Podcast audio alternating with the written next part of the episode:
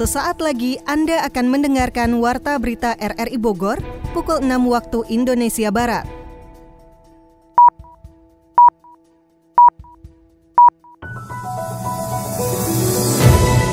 Selamat pagi, salam jumpa. Kami hadir kembali dalam Warta Berita edisi hari ini, Selasa 12 Januari 2021. Informasi ini juga turut disiarkan melalui audio streaming RRI Playgo dan juga disiarkan lewat Radio Tegar Beriman Kabupaten Bogor, Jawa Barat. Siaran ini dapat Anda dengarkan kembali melalui podcast kami di Spotify, Anchor, Podtail, dan Google Podcast. Berita utama pagi ini adalah Pemerintah secara resmi telah memperlakukan PSBB ketat dan pemberlakuan pembatasan kegiatan masyarakat atau PPKM khusus di DKI Jakarta dan Jawa Bali terhitung sejak tanggal 11 sampai 25 Januari 2021. Tragedi hilang kontaknya pesawat Sriwijaya Air dengan nomor penerbangan SJ182 di antara Pulau Laki dan Pulau Lancang Kepulauan Seribu pada Sabtu lalu setelah lepas landas dari Bandara Soekarno-Hatta menjadi evaluasi bersama dunia aviasi di Indonesia. Saya Marisa, inilah Warta Berita selengkapnya.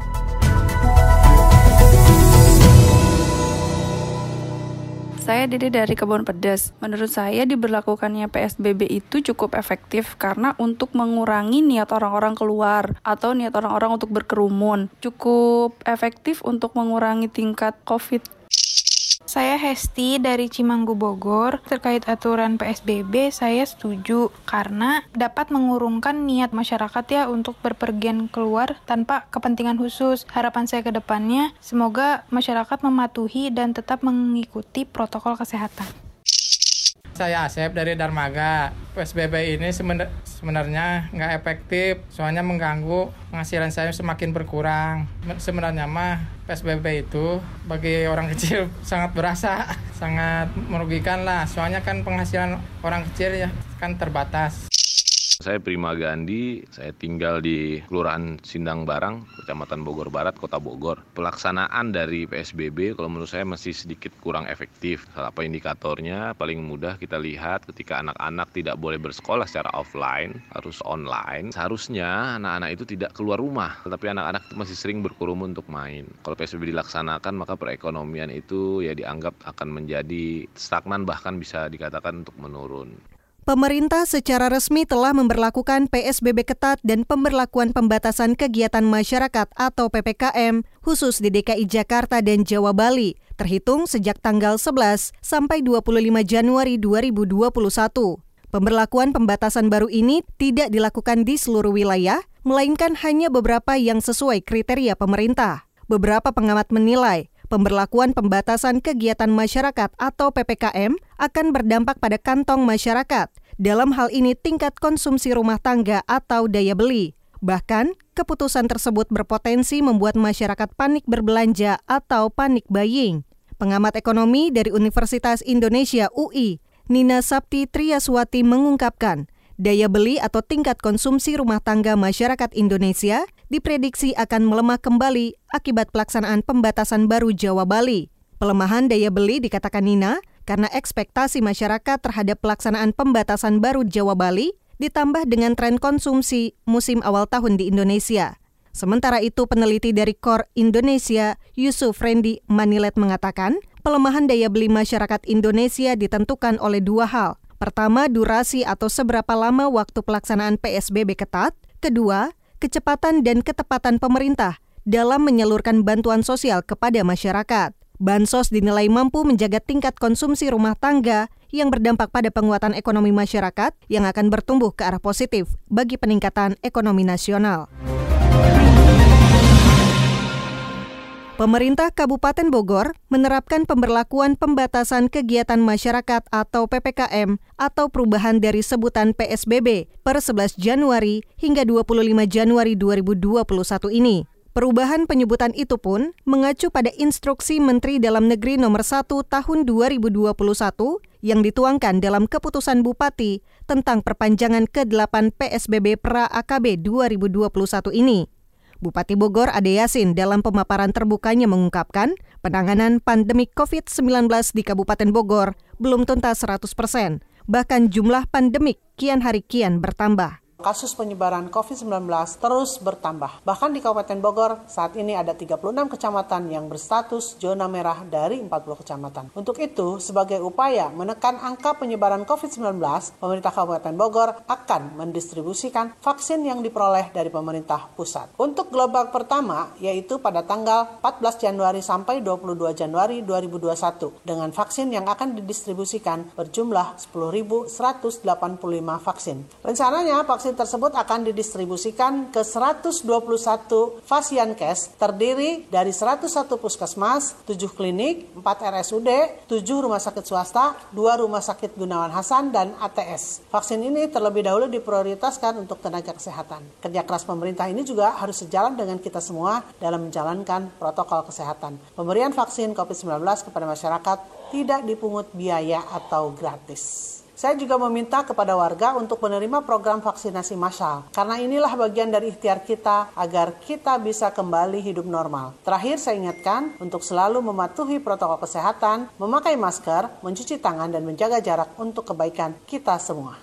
Pembatasan kegiatan yang diterapkan melalui pembatasan tempat kerja perkantoran dengan menerapkan work from home atau bekerja di rumah sebesar 75 persen dan bekerja di kantor sebesar 25 persen termasuk juga sektor esensial seperti kegiatan belajar mengajar, masih dilakukan dengan jarak jauh atau online, serta visi terbatas dengan penerapan protokol kesehatan ketat.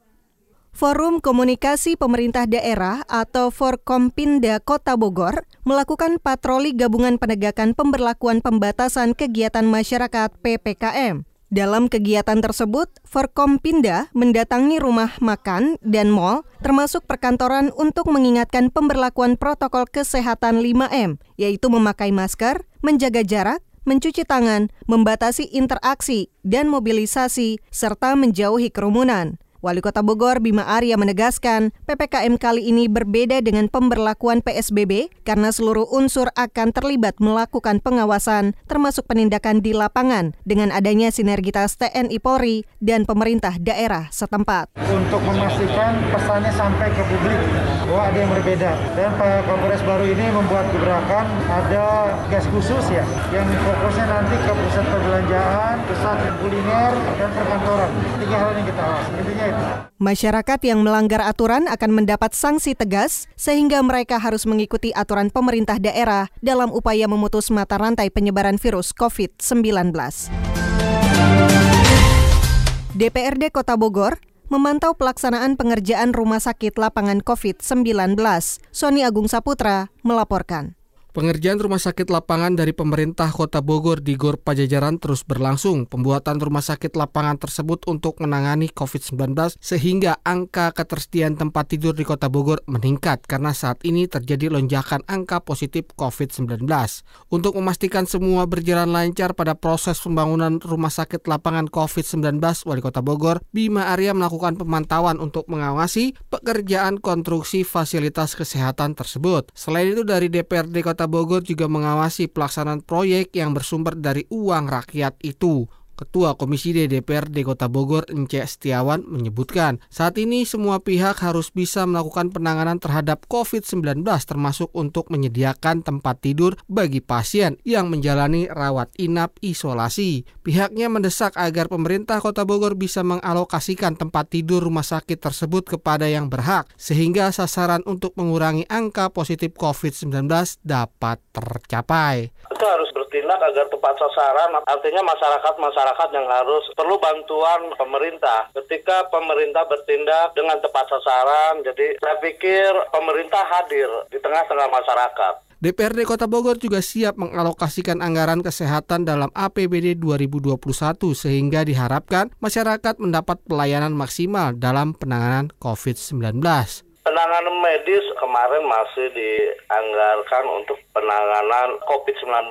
Terkecuali di Dinas Kesehatan dianggarkan kembali untuk pembelian reagen yang 40 miliar itu. Harapan anggota DPRD ketika memang ada rumah sakit, lapangan atau penambahan rumah sakit darurat bisa tertangani pasien-pasien COVID-19 di Kota Bogor. DPRD Kota Bogor mendesak pemerintah untuk melakukan pemulihan terhadap sektor yang terdampak langsung saat pandemi COVID-19 melanda sehingga masyarakat dapat kembali dalam kehidupan semula seperti pada saat sebelum virus tersebut menjadi pandemik.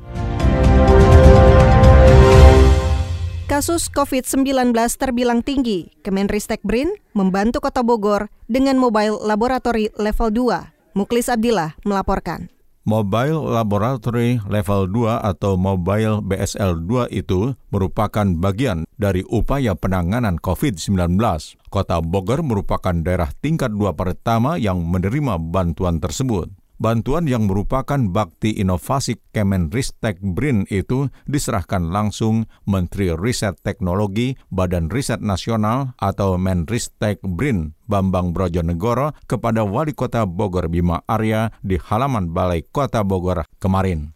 Menurut Menristek BRIN, Mobile BSL-2 itu merupakan hasil inovasi Badan Pengkajian dan Penerapan Teknologi BPPT versi mobil trailer yang bisa dibawa ke lokasi di mana tes COVID dilakukan. Ini bisa meningkatkan kapasitas tes COVID dalam upaya menekan penyebaran virus corona. Kapasitas dari mobile BSL-2 itu Tutur Menteri, antara 900 hingga 1000 sampel per hari selama 24 jam dengan minimal 8 petugas lab.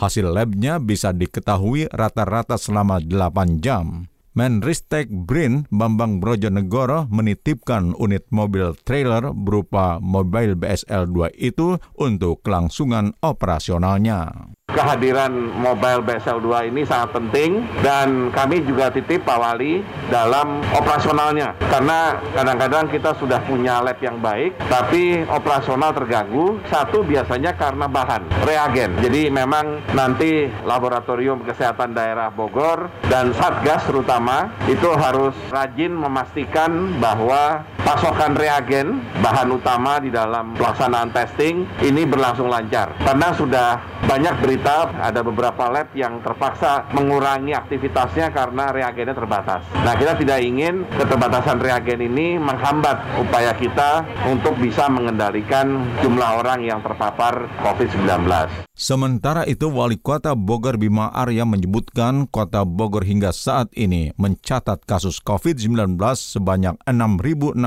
orang, 136 di antaranya meninggal dunia atau 22 persen, sementara kasus aktif 16 persen atau 979 orang. Kita beralih ke berita lainnya.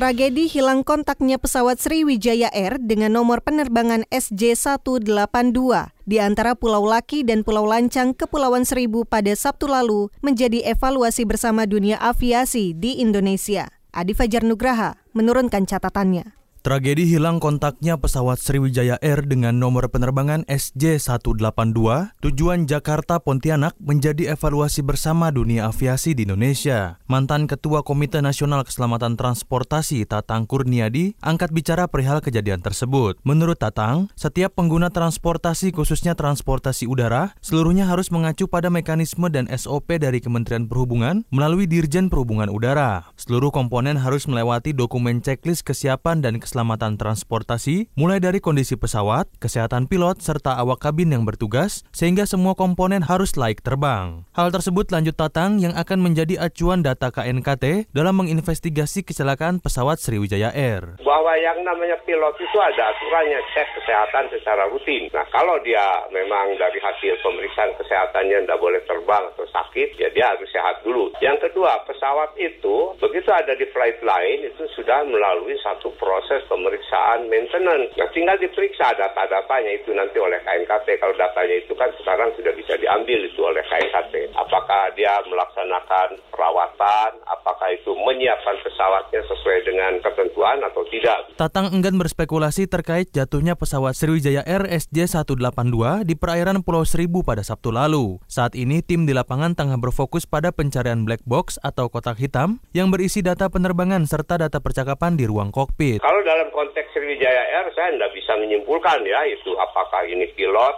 apakah ini pesawat, apakah ini cuaca. Karena itu belum tahu datanya kita. Lagi pula mendahului KNKT lah. Nah, untuk yang sekarang ini tahapnya masih mencari saja dulu black boxnya supaya ketemu. Karena di black box itulah akan ada yang namanya data-data mengapa pesawat itu bisa jatuh. Pesawat Sriwijaya Air SJ182 hilang kontak di antara Pulau Laki dan Pulau Lancang di Kepulauan Seribu pada Sabtu sekitar pukul 14.40 WIB atau 4 menit setelah lepas landas dari Bandara Soekarno-Hatta. Pesawat tersebut mengangkut 62 orang yang terdiri dari 6 kru, 46 penumpang dewasa, 7 anak-anak dan 3 bayi. Hingga saat ini tim gabungan dari Basarnas, TNI, dan Polri masih berfokus pada evakuasi dan pencarian kotak hitam untuk selanjutnya dilakukan investigasi oleh Komisi Nasional Keselamatan Transportasi KNKT.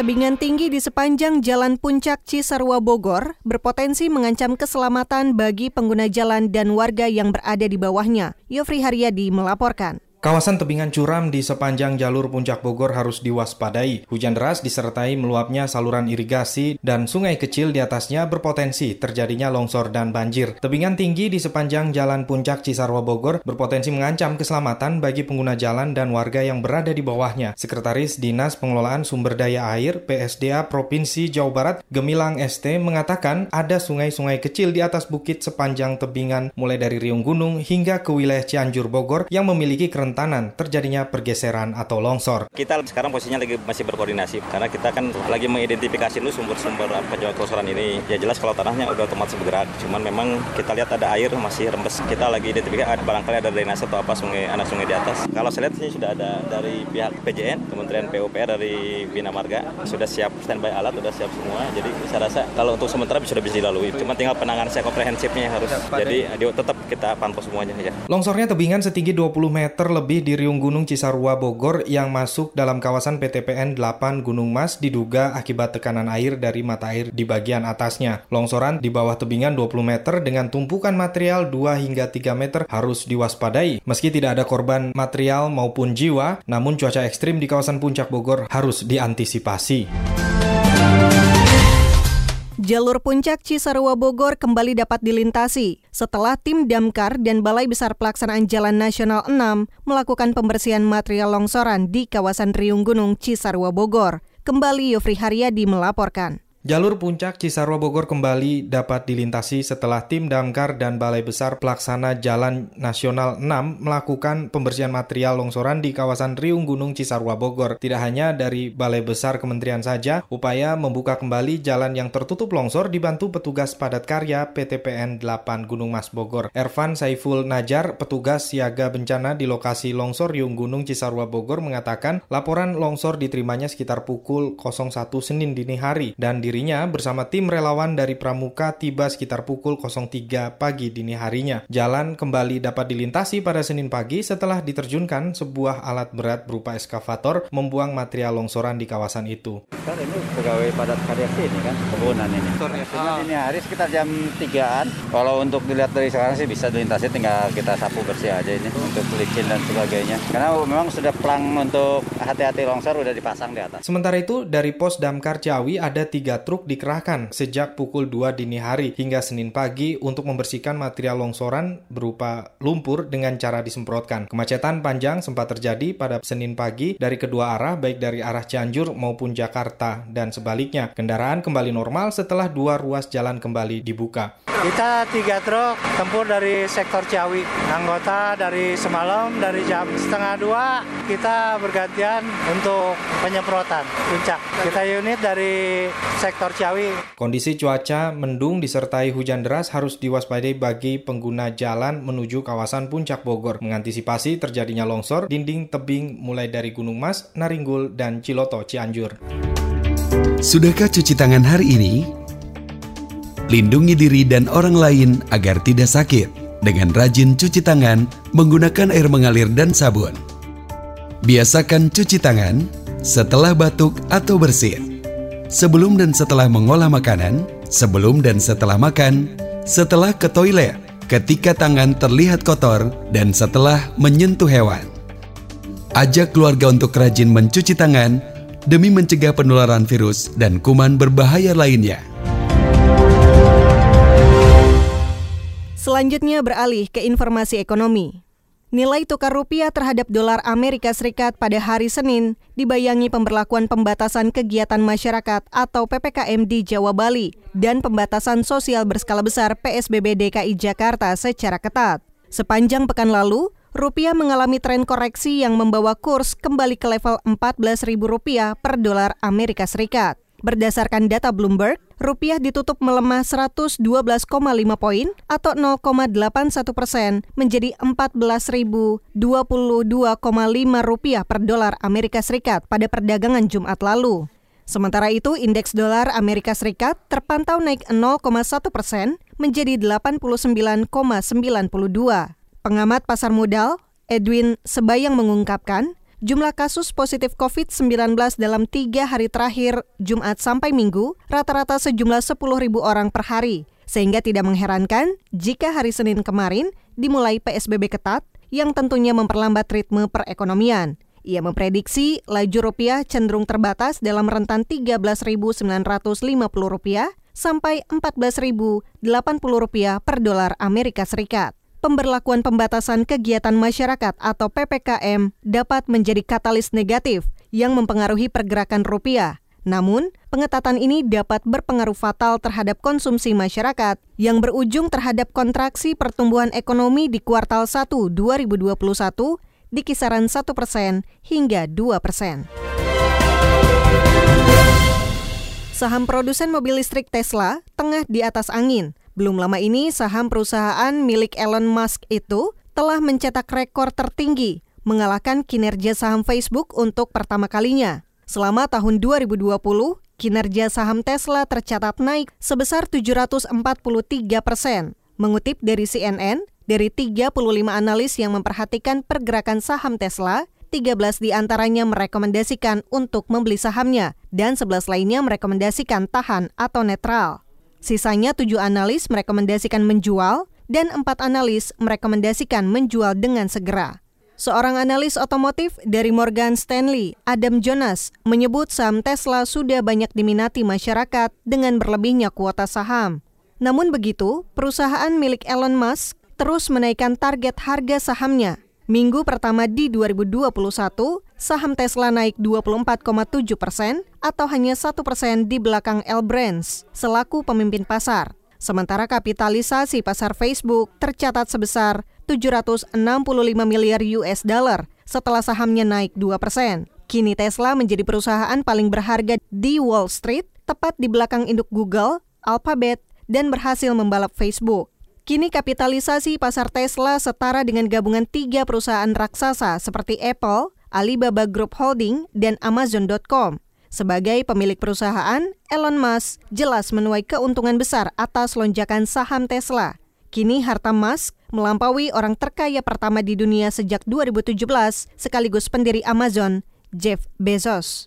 Assalamualaikum warahmatullahi wabarakatuh. Saya Muhammad Beninu Argubi Sarjana Hukum, Ketua Umum KONI Kota Bogor dan juga Ketua Pemuda Pancasila Kota Bogor. Mari bersama RRI Radio Tanggap Bencana COVID-19 ini, marilah kita untuk masyarakat Kota Bogor pada khususnya mulai menjaga diri kita agar terhindar dari virus corona ini adalah dengan melakukan apa yang diperintahkan oleh pemerintah kita. Mari kita hidup bersih, mari kita jaga kesehatan kita dengan rajin berolahraga, mari kita taati dengan melakukan social distancing atau physical distancing dan mulai saat ini stay at home atau kalau memang perlu banget kita boleh keluar tetapi segala kemungkinan itu bisa terjadi, mari kita stay at home dan work from home. Terima kasih, semoga kita semua selalu dilindungi oleh Allah Subhanahu wa taala. Selanjutnya disampaikan informasi olahraga.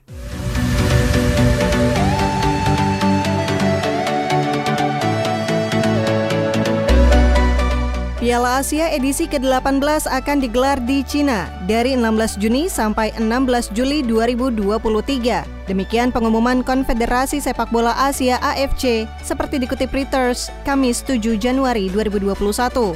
10 kota di seluruh Cina akan menjadi tuan rumah turnamen yang akan diikuti 24 tim ini selama 31 hari atau tiga hari lebih lama dari edisi 2019 yang diadakan di Uni Emirat Arab yang ketika itu berlangsung selama 28 hari.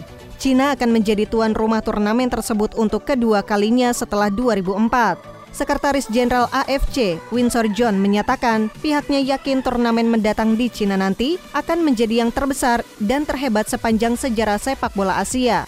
Winsor John menambahkan bahwa Komite Penyelenggara Lokal atau LOC dan Asosiasi Sepak Bola Cina akan menyelenggarakan sebuah turnamen yang sungguh bersejarah pada 2023. Pada Piala Asia edisi 2019, turnamen ini diperluas dari semula 16 tim peserta menjadi 24 tim. Qatar berstatus juara bertahan setelah untuk pertama kalinya menjadi juara di Uni Emirat Arab.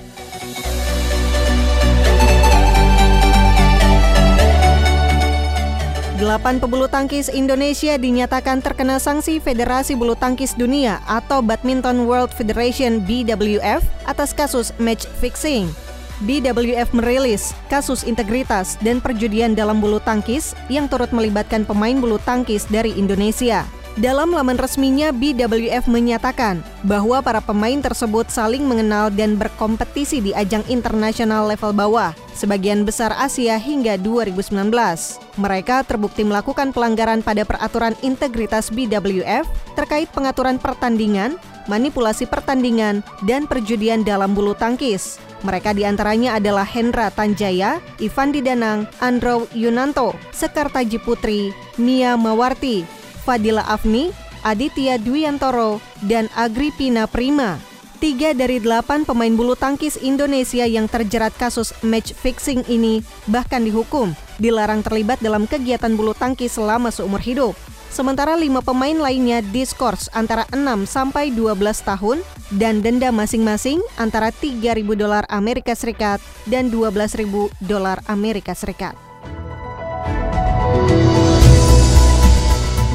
Saudara demikian rangkaian informasi yang kami sampaikan pagi ini. Namun sebelum kami tutup, kembali kami sampaikan dua berita utama.